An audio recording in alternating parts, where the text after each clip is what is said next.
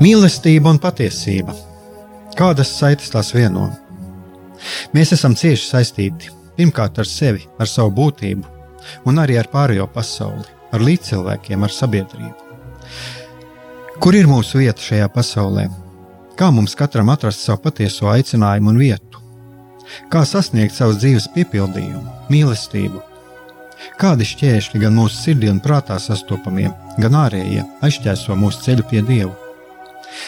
Šie jautājumi ir mūsu dzīves sastāvdaļa, svarīgi mūsu ceļā uz svētumu.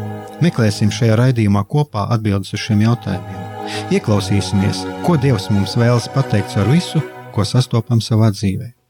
Lai mūsu sirds un prāti atveras mīlestībai un patiesībai, raidījums mīliet cits citu.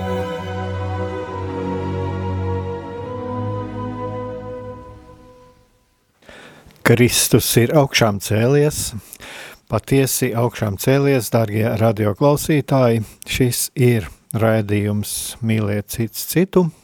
Studijā atkal esmu es Aigārs Brikmanis, un kā jūs jau esat pieraduši, dažu šo pēdējā laika, nedēļu laikā, eh, es šeit eh, dalos pats eh, savās pārdomās, Un par pamatu es ņēmu to, ko kādā veidā man uzrunājas tieši tas, ko saka Pāvests Francisks, un kā jau es atkal, atkal kārtējo reizi varu atgādināt, ka šeit nav runa par kaut kādiem pāvesta teksta komentāriem, kur es censtos komentēt, ko tad īsti pāvests ir pateicis. Lai gan mums katram ir savs redzējums, un arī man ir savs redzējums, bet tas vairāk ir par to, eh, kā pāvesta teksts eh, atsaucās, atsaucās uz mani, ko es izjūtu, kādas izjūtas tas rāda tieši manī. Eh, protams, varētu būt arī tāda objektīva kritika, un cilvēks varētu pateikt, jā, bet tomēr es ielieku kaut ko, kaut ko un varbūt piedēvēju pāvestam, un, un tas arī tā būs, jo jo mēs nevaram izvairīties no sava subjektīvisma, un tas eh, notiek arī skatoties uz jebkuru personu un, un, un arī uz pāvestu.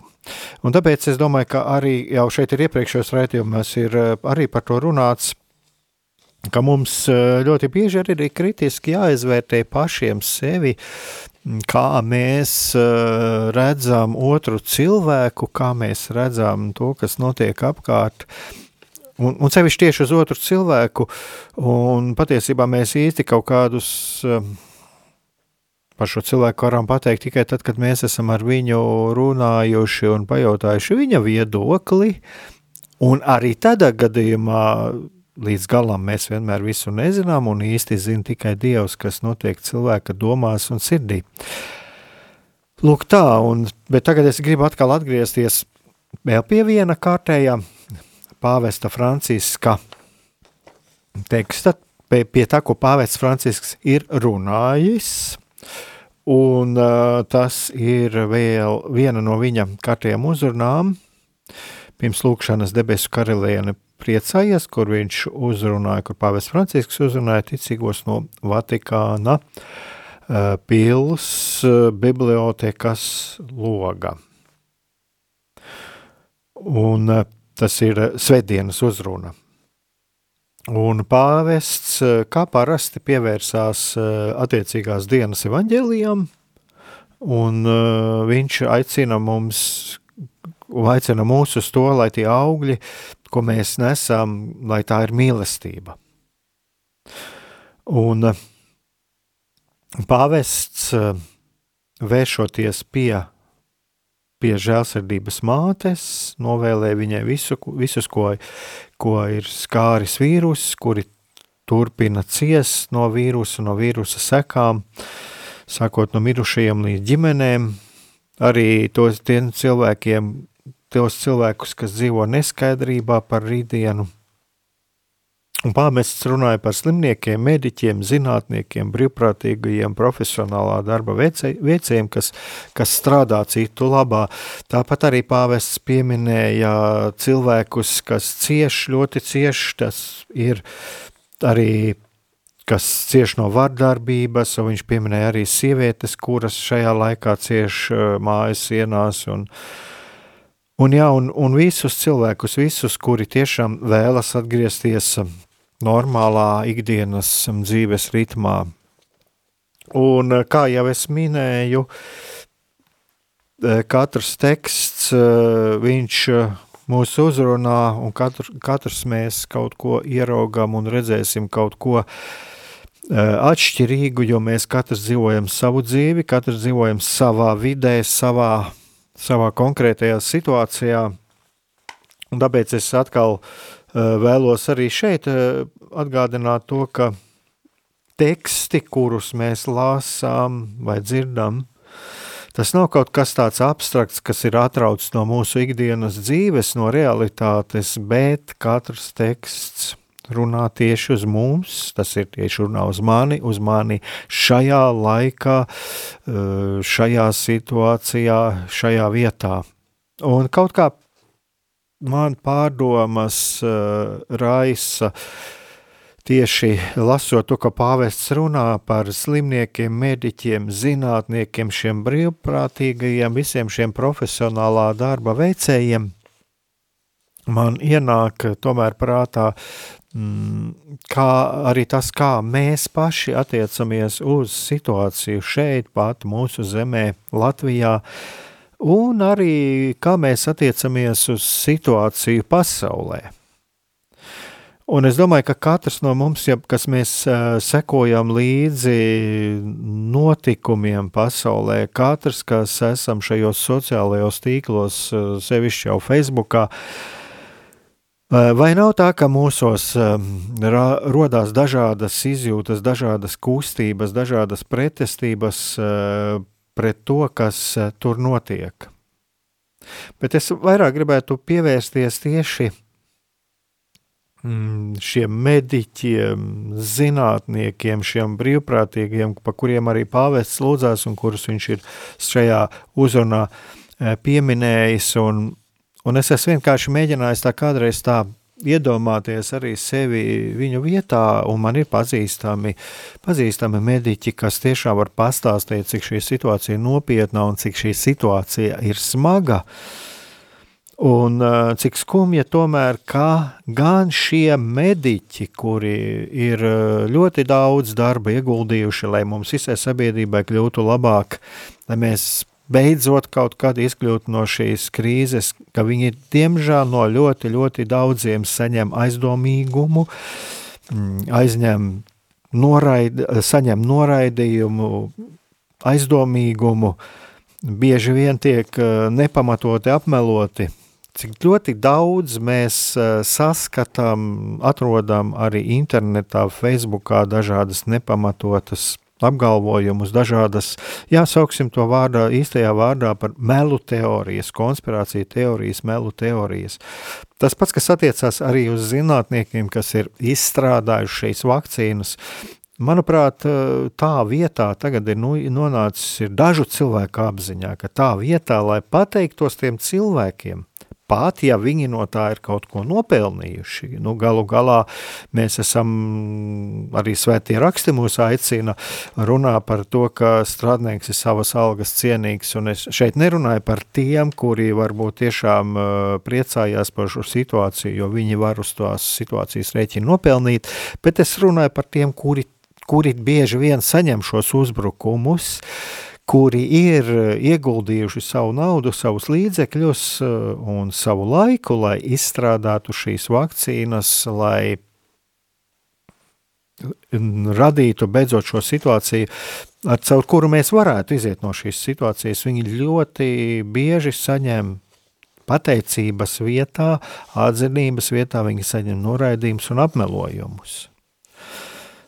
Diemžēl tāda ir šī situācija, un Protams, eh, es neaicinu skatīties, eh, un, eh, un es neaicinu neredzēt situāciju plaš, ar plašāku skatījumu un redzesloku. Jā, mēs varam arī ieraudzīt šajā situācijā nepilnības, un to jā, mēs varam, mēs esam piedzīvojuši, un arī daži ierobežojumi arī man nav īsti bijuši izprotami lai gan jāsaka tā, ka nu, vismaz to, ko manā, manā dzīvē tas neko daudz radikāli nav mainījis, varbūt ir daži apgrūtinājumi bijuši, bet tādā pašā laikā es arī aicinātu tā vietā, lai racionalizētu un pieķertos kaut kādai teorijai, mūsu subjektīvai, ka tas ir lūk tāpēc, ka ir tā, vienkārši iedomāties to, ka mēs ļoti, ļoti daudz nezinām šajā situācijā, tas ir viens, ka ir ļoti, ļoti daudz nezināmā un bieži vien, ja mums rodās uh, pārāk ātri skaidras atbildes, vai kāds ļoti ātri sniedz skaidras atbildes, tad ir, tad ir jā, mums jābūt ļoti piesardzīgiem, jo uh, bieži vien uh, tieši vismelīgākās teorijas sniedz visskaidrākās un visātrākās atbildes, jo stāstus atcerēt pie datora sēžot un vadoties no kaut kāda savu, savu priek, priekšstata ir daudz vieglāk nekā pētīt Un, lai saprastu un iedziļinātos procesos dziļāk, jo tas prasa gan laiku, gan līdzekļus, un atbildes tik viegli nenāk. Tā ir tā viena puse. Un otrs, es esmu kādreiz iedomājies, um, mēs varam iedomāties, ko darītu mēs, ja mēs nonāktu šo cilvēku vietā, kas ir atbildīgi par šo situāciju, par šo situācijas atrisinājumu, cik viegli mēs ar to tiktu galā saskaroties ar visām tiem daudzajiem nezināmajiem, kur, un kur lielākajā daļā mēs pat neesam profesionāļi. Un jāsaka tā, ka arī bieži vien ir tāds apgalvojums, ka, lūk, tur sēž ne, tie, kas nav profesionāļi savās jomās. Tas arī mazliet tāds pārpratums, jo pamatā jau ir spēja, organizatora spējas ir bieži vien svarīgākas nekā šī profesionalitāti attiecīgajā jomā, tātad piesaistīt attiecīgos speciālistus, bet tā varbūt varētu būt cita tēma, bet vienkārši iedomāsimies mēs katrs, katrs eh, sevi šo cilvēku vietā. Protams, es šeit neaicinu tagad, eh, lai mēs būtu tā kā ar klapēm uz acīm un neredzētu arī tās lietas, kas tiešām kas nav izdevušās, un lai mēs neredzētu arī, ja gadījumā mēs saskaramies arī, kur tiešām ir ļaunprātība, bet es vairāk vēlētos tomēr, lai mēs būtu tie, kas, mēs visa sabiedrība, lai būtu tie, kas cenšamies iedziļināties uh, situācijas nopietnībā, un lai mēs būtu nevis tie, kuri turamies pie sava šaura priekšstata, bet lai mēs vienmēr savus priekšstatu tomēr pārvērtētu, un lai mēs censtos iedziļināties lietu būtībā, un kas ir vēl ļoti svarīgi, tomēr klausīties, šeit gan ir ļoti svarīgi eh, klausīties eh, un paskatīties eh, kas ir šie cilvēki, kas runā, vai viņi tiešām ir tās savas jomas speciālisti un cik viņiem ir liela pieredze. Šeit gan es domāju, ka ir vajadzīgs ieklausīties speciālistos, jo e, internets ir tik ļoti pilns un arī tas pats Facebook ir tik ļoti pilns ar e, ekspertiem pēdiņās, bet kuri toties ir e, ļoti labi profesionāli sa sastāstīt, e, sacerēt dažādus stāstus. Tātad, eh, lūk, šeit eh, man tāds ievads ir ļoti liels, un šķiet, varbūt varētu domāt, nu jā, nu es te runāju par ko runā Francisks par ārstiem un, un aicinu lūgties par slimniekiem un mediķiem, bet es domāju, ka šī ir viena tāda ļoti, ļoti aktuāla un svarīga situācija arī ir mums šeit uh, Latvijā, un mums ir jābūt gudriem Un gudrība nenozīmē at, uh, visur sniegt uh, ātras un šķiet tam ir loģiski pamatotas uh, atbildes. Gudrība nozīmē arī to, ka apzināties, ka mēs patiesībā ir ļoti daudz nezināmā, mēs ļoti daudz nezinām un pazemībā to pieņemt Un izējot no šāda skatu punkta, tad arī meklēt eh, patiesību un meklēt arī izēju no situācijas. Der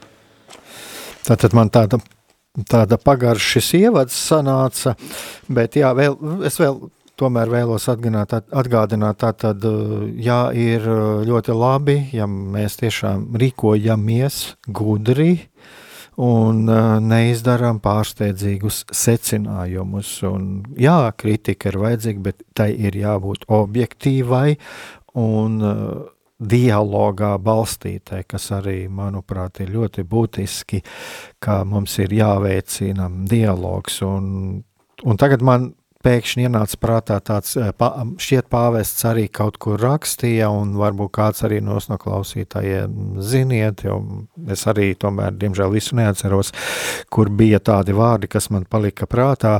Mums ir vajadzīga evolūcija, nevis revolūcija. Tātad, eh, lūk, mēs eh, visu ļoti rūpīgi pārdomājam, nevis izdarām kaut kādus pārsteidzīgus eh, secinājumus, jo sabiedriski eh, dažādi satricinājumi ir tas, ir tas ļaunums, kurš mums nav vajadzīgs. Jā, mums ir tomēr ir vajadzīgs, jo sabiedrība būs gudrāka, izvērtēt spējīgāka, jo mēs arī dzīvosim labākos apstākļos. Lūk, tādas man pārdomas raisījā tieši, kas attiecās, un es domāju, ka arī gan uz Latviju, gan uz pasauli tādas man pārdomas raisījās arī par to, un ka pāv, kur pāvests runā par slimniekiem, mediķiem, zinātniekiem, brīvprātīgajiem un tiešām profesionālo darba veicējiem, kas strādā citu labā. Nebūsim traucētāji, bet būsim tie, kas palīdz. Lūk, tā. Bet uh, tagad pievērsīšos uh, tālāk uh, tām tekstām. Tātad, uh, jā, sanāca man tāds garš ievads, bet tagad tālākais tas teksts, kur pāvests pievēršas uh, Svētdienas evaņģēlijam runā par to, ka kungs sevi stāda priekšā kā patieso vīna koku un ticīgos kā tā zarus. Un eh, pāvests runā, lūk, šeit ir citāts no pāvesta teiktā. Zāri nav pašpietiekami, bet tie ir pilnībā atkarīgi no koka. Koks ir zaru eksistences avots. Un kā pāvests arī atgādina, septiņas reizes eh, evaņģēlīja lasījumā atkārtojas vārds palikt. Palieciet manī un es jūsos, saka Jēzus, pirms atgriezties pie tēva, tie, tie pāvestu vārdi. Un pāvests arī atgādina to, ka palikt nenozīmē mm, būt pasīviem, bet adusēties, eh, adusēties kungā. Bet tieši pretēji tas nozīmē palikt aktīviem vai līdzīgi zariem, kas izaug no koka lai ticīgi varētu nest augļus. Un eh, kaut kā man eh, šī, šī pāvesta vārdi un eh, arī tas tā evaņģēlijā rakstu vieta manī pašā rada arī tādas pārdomas, jo mm, no vienas puses vārds palikt nozīmē, mums vai šis tas ir kaut kas pasīvs, es kaut kur palieku es kaut kur palieku.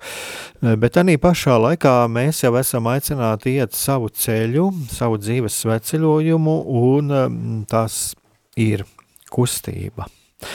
Un, un tātad, ko, kas varētu būt šīs vārds palikt? Un, lūk, pāvests jau runā par to, ka uh, tas nenozīmē atdusēties kungā, bet tieši pretēji tas nozīmē palikt aktīviem. Uh, es pat teiktu tā, es pat uh, tas droši vien arī tulkos no itāļu valodas, bet es pat savā ziņā teiktu tā, tas nozīmētu palikt adusēties kungā, eh, nevis adusēties kungā, bet palikt aktīviem, kļūt aktīviem. Un es domāju, ka šeit mēs varam eh, mēģināt eh, arī ieklausīties sevi, vai nav mums tādi brīži kādreiz, kad mēs jūtam enerģijas zudumu, Un, un šeit es eh, nerunāju par eh, tādām lietām, kur tiešām ir, eh, mēs arī kādreiz šeit raidījumā ir runāts, jā, arī ar to pašu Jāni Jakobsonu, cik es atceros, un vēl kas ir uh, psiholoģijas uh, speciālisti par uh, to, ka ir situācija, kad cilvēkam tiešām ir vajadzīgs atpūsties, viņam pat ir pienākums atpūsties, tad, kad viņš ir noguris, un viņam var būt gan fizisks, gan kāds emocionāls nogurums, viņam var būt dažādi izdegšanas un tā tālāk, kur tiešām šajā gadījumā, es domāju, varētu mēs pat aicināt tagad adusēties kungā, varam un palikt malā visus pienākumus un tiešām veltīt laiku, lai atpūstos. Bet es runāju par kādu citu situācijām, kad, kad uh, ir situācija, kad mēs, uh, mums ir sajūta, ka mēs jūtamies nepareizā vietā. Mēs kaut ko darām, bet mums uh, trūkst uh, gandarījuma. Vai nav tā? Ka reizēm es tiešām jūtos tā, ka es atrastos kādā nepareizā vietā. Vai nav kādreiz arī tā, ka kādas rīcības laikā vai arī pēc šīs rīcības, ka mēs sajūtam sirdī nemieru? Kaut kādu nemieru, kaut kādas nepatīkamas sajūtas. Vai mēs nesaskaramies ar tādām situācijām, un cik bieži tas mūsu dzīvē ir? Un vai galu galā mēs esam īsti arī līdz, eh, līdz galam mierā ar savu dzīvi? Un šeit atkal ir, eh, es domāju, ka ir eh, svarīgi arī izvērtēt, šeit es nerunāju varbūt arī par to tādu atdusēšanos uz kaut kādiem lauriem un kaut kādu pašapmierinātību, bet tiešām nemierā ar savu dzīvi, ar kaut kādām savas dzīves izvēlēm. Jo no vienas puses e, šis nemieris, ka kādreiz mēs esam šeit arī raidījumā runāts, jau tas nemieris arī ir vajadzīgs, e, tas ir tāds signāls, kas mums kaut ko parāda. Un viens no tiem signāliem var būt tas, kas, e, tas, kas mūs pamudina, pamudina iet uz priekšu, kaut ko darīt, kaut ko labot savā dzīvēm. Bet varbūt arī situācija, kad ir kaut kāda, kaut kāda tāda tukšuma sajūta. Un ka tiešām šķiet, ka es eh, neesmu īstajā vietā. Nav apmierinātības ar to, ko es daru. Un kā es arī eh, pieminēju, varbūt arī gan darbības laiks radīt kaut kādu nemieru, gan arī pēc šīs darbības kaut kādas ne īsti patīkamas sajūtas. Un tad arī varam uzdot šo jautājumu, nu, kas tas patiesībā ir.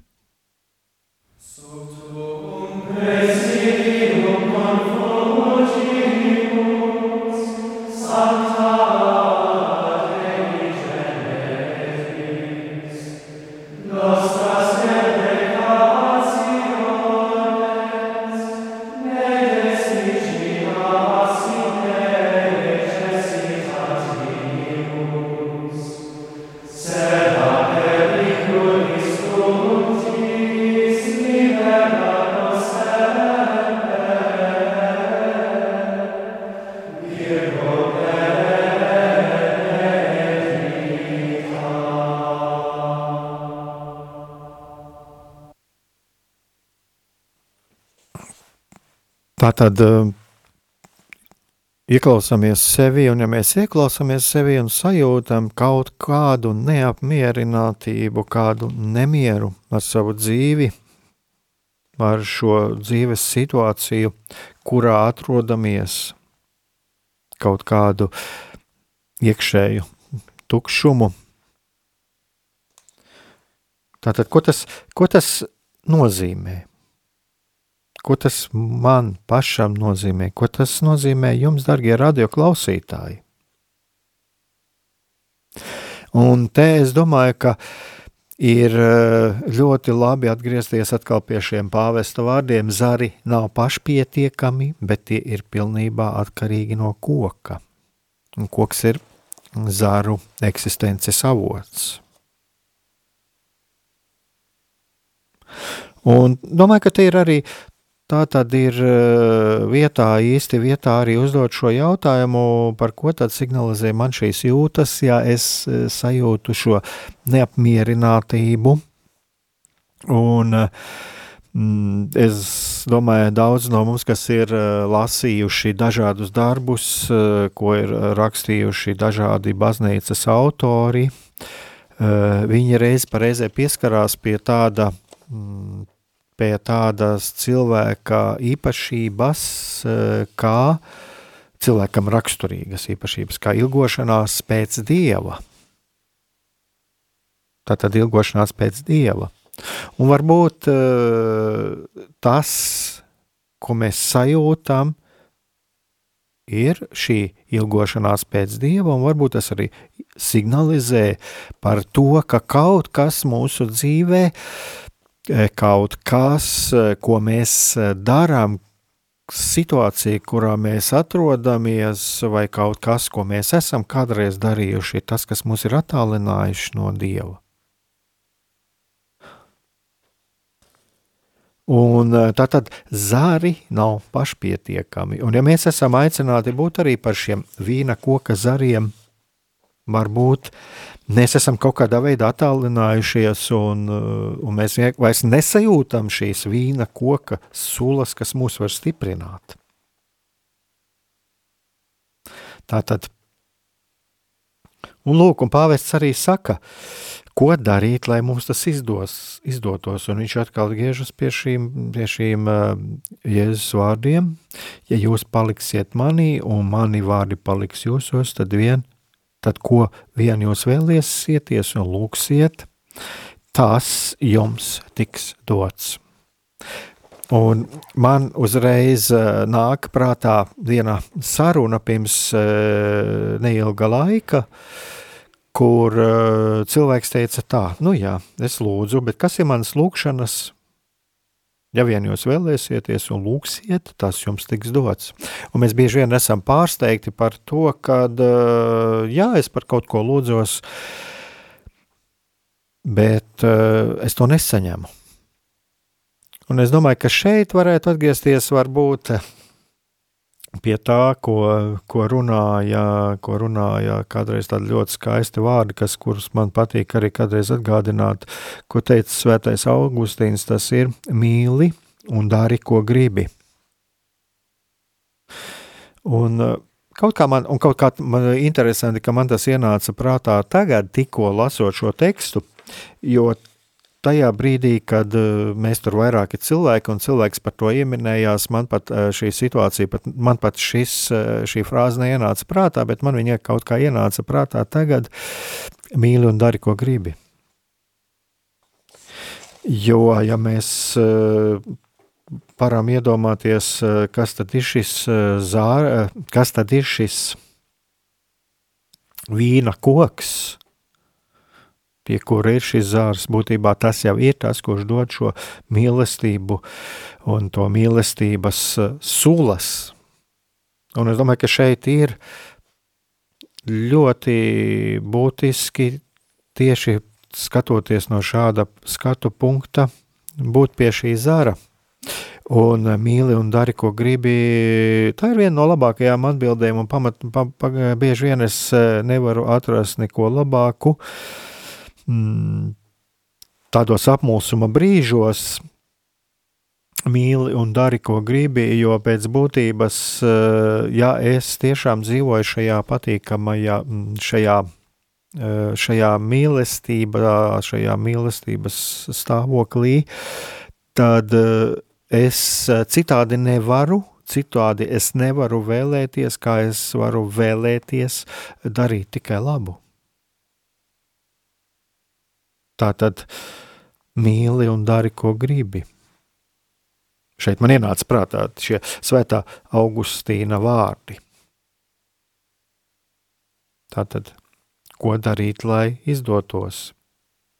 Palikt pie, palikt pie, pie šī vīna koka.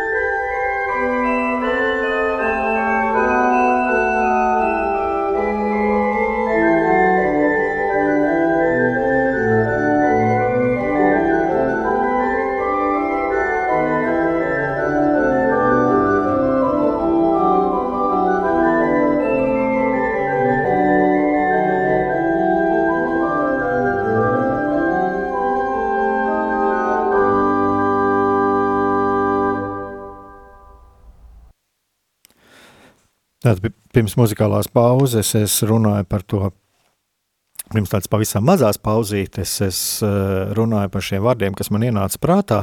Eh, mīli un dari, ko gribi. Bet tagad, turpinot eh, par to, ko runāja pāvests, viņš runā par to, Lūk, šeit pāvesta vārdi, taču arī Jēzum mēs esam vajadzīgi tāpat kā kokam ir vajadzīgi zari. Un uh, atkal man nāk prātā, ko arī kāds cilvēks dalījās uh, par šiem vārdiem. Jēzum, Jēzum esam vajadzīgi tāpat kā kokam ir vajadzīgi zari. Uh, mēs varbūt esam tā iedomājušies, ka jā, mums ir vajadzīgs Dievs un mēs tiekam arī aicināti, aicināti uz to pietuvoties Dievam, un tiešām mēs, eh, jā, Dievs mums ir vajadzīgs, bet uh, reizēm tiešām var rasties pārsteigums, arī Jēzum mēs esam vajadzīgi, tāpat kā kokam ir vajadzīgi zari, bet mēs, uh, mēs vairākās vietās, es domāju, ja mēs paskatāmies evaņģēlijā, mēs redzam, kur Jēzus aicina būt kopā ar viņu. Viņš aicina mācekļus sekot viņam, viņš pat ģedzemenes dārzā, viņš pat pārmet mācekļiem, kur ir aizmiguši. Mēs vienmēr to redzam. Būtībā, ja mēs paskatītos, es domāju, ka visas, visā evaņģēlijā mēs redzam to, ka Jēzus aicina mūs viņam sekot. Un mēs jau esam šeit, uz šīs zemes, ja mēs eh, tā paskatāmies, kāpēc mēs esam Jēzum vajadzīgi, lai mēs eh, sekošana, tas nozīmē tieši tās viņa mīlestības eh, vēstnešana, tie mīlestības darbi, ko mēs varam darīt, cerība, ticība, cerība, mīlestība, lūk šie trīs vārdi, caur kuriem mēs varam pildīt šo savu misiju. Bet kas, manuprāt, ir ļoti svarīgi, šeit pāvests runā vēl par kaut ko, un viņš runā, lūk, ko viņš saka, šeit ir pāvesta Franciska vārdi. Es tagad tiešām citāts no pāvesta teiktā. Mēs varam lūgt, lai domātu kā viņš, rīkotos kā viņš, redzētu pasauli un lietas ar Jēzus acīm. Un tādā veidā mīlētu mūsu brāļus un māsus, māsas, sākot no visnabadzīgākajiem un cietošajiem, kā to darīja viņš. un mīlētu viņus ar viņa sirdi un nestu pasaulē labestības augļus, žēlsirdības augļus un miera augļus. Lūk, tie ir pāvesta vārdi. Tātad pašos pamatos pāvests, tātad, ko viņš aicina, viņš aicina, lai mēs, lai mēs būtu kā Jēzus. Un šeit, manuprāt, ir uzreiz kādas domas man ienāk prātā, kas tad bija Jēzus darba augļu pamats? Tas, ka Jēzus darbība nes augļus. Es domāju, ka tos, ko mēs varam paskatīties, ir tas, ka Jēzus sekoja tam aicinājumam, kura dēļ viņš bija nācis šajā pasaulē. Un um, te atkal, ja mēs skatāmies uh, no vienas puses, jā, mēs varam lūgt, lai domātu, kā viņš rīkotos, kā viņš redzētu pasauli un lietas ar Jēzus acīm. Uh, Ja jūs atcerieties, arī šajos raidījumos bija runāts par to, ka, ja es uh, gribu iet savu svētuma ceļu, tad tas nebūtu nenozīmē kādu kopēt. Un, lūk, es domāju, ka šeit ir tā viena no tādām lietām, jo cilvēks var kādreiz, man šķiet, viņš var ap, apmūst, un es esmu arī runājot ar cilvēkiem, es esmu ar to saskāries, jo cilvēki saka, kas tad es esmu, es neesmu nekāda māte Terēze, vai Asīzes Francisks, vai, vai Ignācijas, jo nu, man ir tur savi pienākumi, man ir sava ģimene, bērni un tā tālāk. Es nevaru nekādu, kas tur, nevaru nekādus, eh, ko es varu darīt Dieva labā. Un, eh, un atkal, es, tāpēc es vēlos atgriezties pie tā, pie Jēzus darba augļiem. Un Jēzus darbība varēja būt auglīga viena un pašos pamatos viena, vienas nostājas dēļ, ka Jēzus dzīvoja pats savu dzīvi, viņš dzīvoja ar to dzīvi, ar to aicinājumu, ar kuru viņš bija nācis šajā pasaulē. Un uh, Jūs droši vien atcerieties arī šos stāstus, kā Sātans uh, kārdināja Jēzu, un kā Jēzus uh, ļoti veiksmīgi stājās pretīm šiem kārdinājumiem. Tātad viņš nepaļāvās arī šiem vilinājumiem, no šiem vilinājumiem, ar kuriem Sātans viņu gribēja novirzīt no viņa tās misijas, sauksim to tā no šīs viņa mīlestības darbības. Tāpat mēs arī ļoti labi zinām no svētajiem rakstiem, mēs varam atcerēties arī to, kā Jēzus piedzīvoja lielas bailes, viņš piedzīvoja lielas sāpes, viņš piedzīvoja noraidījumu, nesaprašanu un tā tālāk. Un, manuprāt, tā ir viena tāda ļoti būtiska lieta, ka Jēzus pirmkārt neļāvās tām tiem vilinājumiem, tām kārdinājumiem, tām uh, vēsmām, caur kurām viņu, kā teikt, Ignācijas eh, ienaidnieks mēģināja viņu novirzīt no viņa ceļa, bet viņš eh, pārvarēja tās visas lietas un sekoja tam aicinājumam, kas ir viņā ielikts. Un eh, Šeit, es domāju, arī ir, eh, ja mēs skatāmies no tāda skatu punkta, mans aicinājums, mana vieta, kur es esmu ielikts. Eh, ja cilvēks ir ģimenes cilvēks, tad lūk, viņš jau ir jau sekojis savam aicinājumam, viņš ir sekojis savas mātes, tēva aicinājumam, savu, savam laulātā aicinājumam. Un tas ir arī tas, kādā veidā varam skatīties arī ar, ar Jēzus acīm. Mīlestībā attiekties pret tiem cilvēkiem, pret laulāto, pret bērniem, attiekties tā kā attiecās, attiecās Jēzus. Skatīties ar, uz viņiem ar tādu mīlestību, kā skatījās Jēzus, un, un protams, arī redzēt ar mīlestību, mīlestības skatienu arī pasauli un lietas.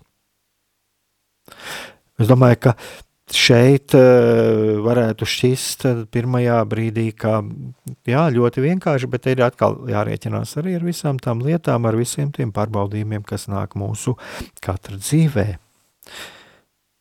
Un tāpēc es domāju, ka šeit uh, ir katram ir savs aicinājums, tāpat tas var būt arī savs profesionālais aicinājums, tā vieta, kur mēs katrs atrodamies.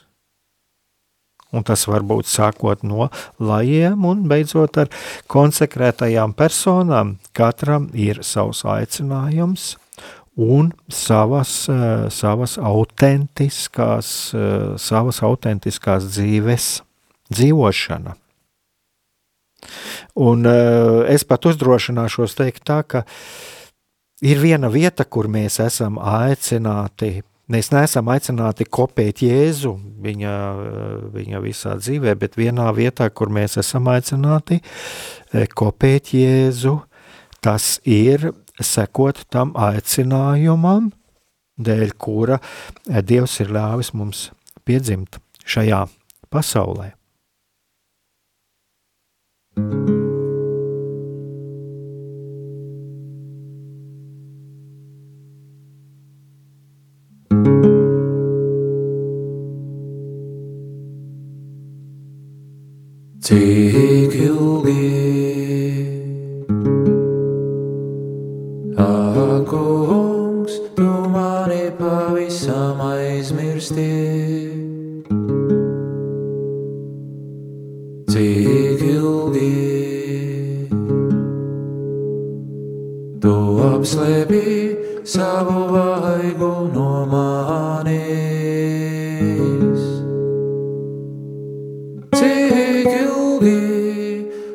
Būs padomu meklēt savā dvēselē.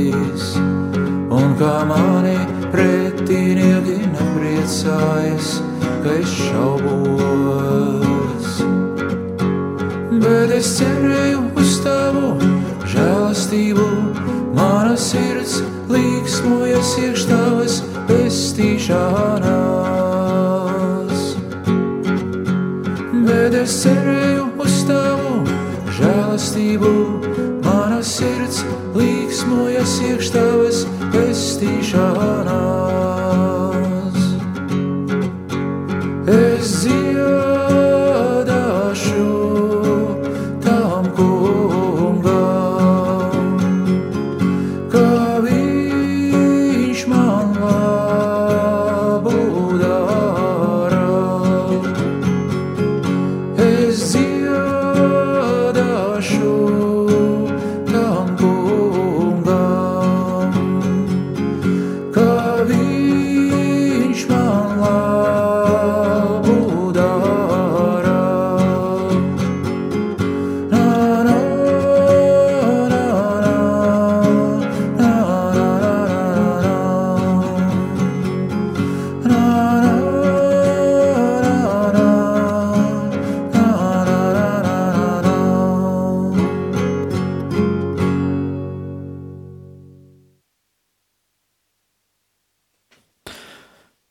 Tā, darbie radio klausītāji, šis ir rādījums mīlēt cits citu studijā. Esmu es Aigārs Brikmanis un es atkal katru reizi dalos savās pārdomās mm, par to, kā, ko man saka ko, kā mani uzrunā tas, ko, uz ko mūs aicina pāvests.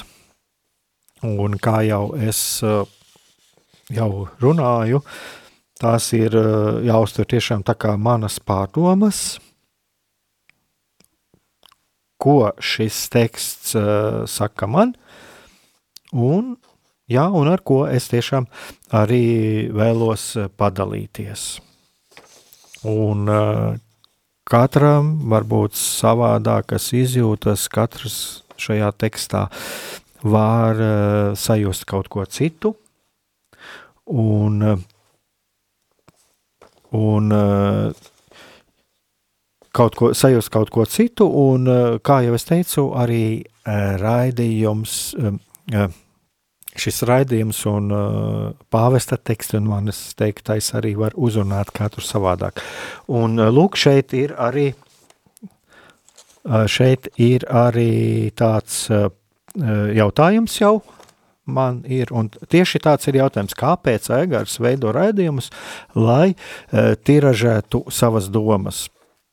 Uh, paldies par šādu raidījumu. Lūk, uh, Jā, tur ir apakšā arī varbūt kaut kāds negatīvs konteksts, un katram ir uz to savas tiesības. Bet, kā jau es minēju, Jā, tas ir tas, kā es to redzu. Un katram ir, kā es redzu, arī situāciju. Un es šajā gadījumā nezinu, par ko ir runa. Varbūt, varbūt tas ir saistīts ar to, ko es runāju sākumā par šo situāciju, par kā es redzu situāciju ar, ar medicīnu un šo covid situāciju. Bet Jā, es pat kaut kur tā pieminēju, jā, ka var arī nāk katrā mūsu teiktajā tekstā kaut kas mūsu subjektīvais. Jā, un tas ir mans redzējums. Un, ja jūs kāds redzat kaut ko savādāk, tā ir jūsu pieredze, tas ir, jā, tas ir pilnīgi normāli. Jā, tas ir pilnīgi normāli. Bet, kā vienmēr es teicu, es esmu arī teicis, un arī man pašam tas ir jāmācās, mūsu kritikai ir jābūt jābūt objektīvai un atvērtai uz dialogu. Bet tagad es vēlos atgriezties eh, raidījums tuvojas noslēgumam. Es vēlos atgriezties atkal pie šī uh, teksta, pie šī pāvesta teksta, un, uh, un tas, ko es redzu šeit uh, par šo mm, vīna koku un zariem, es domāju, ka šeit, ja mēs padomājam paši par sevi, ja mēs esam šie zāri, tad tas, ko es gribēju pateikt, ko es vēlējos šajā rādījumā pateikt, ka būtībā jau tās, ja es esmu šis zārs, šī vīna koka zārs, lai es nenokalstu, man ir jābūt atvērtam uz to, Tagad es tādas mazliet varu pateikt, tādās līdzībās mums jābūt atvērtam uz to, mm, ko Dievs vēlās mums pateikt. Tātad mums ir jābūt tam zaram, kurš ir iesakņojies šajā vīna kokā, šajā vīna kokā, kas, kas vēlās mūsu sirdīs kaut ko ielikt, kas, kas uz mūsu kaut ko aicina, kurš vajadzīgā brīdī mums iedod gan mierinājumu, gan arī kādreiz kādu nemieru, kas mudina mūs iet kādreiz tālāk, kaut kam labākam pretī. Uh, kaut kam, uz ko Dievs mūs aicina, tad sekot šim savam aicinājumam. Un tas ir tas, ko, tas ir tas, kā mani uzrunāja, uzrunāja šis teksts, un, un jā, varbūt kādam šķitīs, ka es esmu pārlieku daudz pievērsies šodien tieši šai situācijai Latvijā un, un tieši runājis par par šiem slimniekiem, par mediķiem, zinātniekiem un tā tālāk, jā, un arī par šīm zinā, par to, ka, nu, jā, mums ir tomēr jāseko tiem cilvēku, to cilvēku aicinājumiem, kas ir profesionāļi. Savā jomā, bet eh, šeit būtu arī kādreiz vērts kādu la, raidījumu parunāt arī par to, ko mums darīt, ko mums darīt, ka mums ir tik dažādi viedokļi, kad mums ir šīs viedokļu sadursmes, un, piemēram, es pats personīgi, un šeit atkal man varēs kāds varbūt pārmest manu personīgā viedokļa izteikšanu, bet es pats personīgi uzskatu, ka ir sabiedrībai bīstami šie aicinājumi izvairīties no vakcīnām, un, un, un, bet es arī to varu pamatot Mm, es varu pamatot to gan vēstures faktos, gan arī profesionālu mediķu atzinumā. Nu, ko darīt? Tāds ir mans viedoklis, un tāda ir arī mana pieredze saskaroties ar, ar mediķiem. Galu galā man pašam ir sieva mediķe, sievas radi, un man radi ir mediķi ļoti daudz. Un, nu, es nevaru runāt savādāk, kā es to redzu. Tā kā Mēs varam pateikties viņiem ļoti daudz. Mēs varam pateikties medicīnai, zinātnē, tā, ka mēs dzīvojam šeit, ka mēs joprojām dzīvojam un ka mums ir daudzas slimības likvidētas. Tā kā, diemžēl, jāatgriežas ir reiz par reizi arī pie šiem jautājumiem, un tiešām būtu vērts varbūt arī par to darīt, parunāt, ko mums darīt, saskar, eh, sas, sas, ko mums darīt šajā situācijā, saskaroties ar, saskaroties ar dažādiem viedokļiem. Un tā tad ir vēl viens, jā, vēl viens jautājums, un par ko Dievs mudina runāt šajā raidījumā. Nu, lūk, par to mēs varbūt varētu parunāt arī kaut kad nākamajā raidījumā. Nu, nu iespējams, ka Dievs mani mudina runāt to, to, ko, to, ko es saku. Diemžēl jau ir laiciņš pienācis šo raidījumu noslēgt, bet arī paldies, tiešām liels paldies eh, klausītājiem, kas, kas eh, uzdev šo jaut, šos jautājumus, kas uzdod šos jautājumus, un, un es esmu pateicīgs arī par kritiskiem vārdiem, jo tas arī palīdz man varbūt kaut kur pilnveidoties un, un tā tālāk. Eh, liels paldies!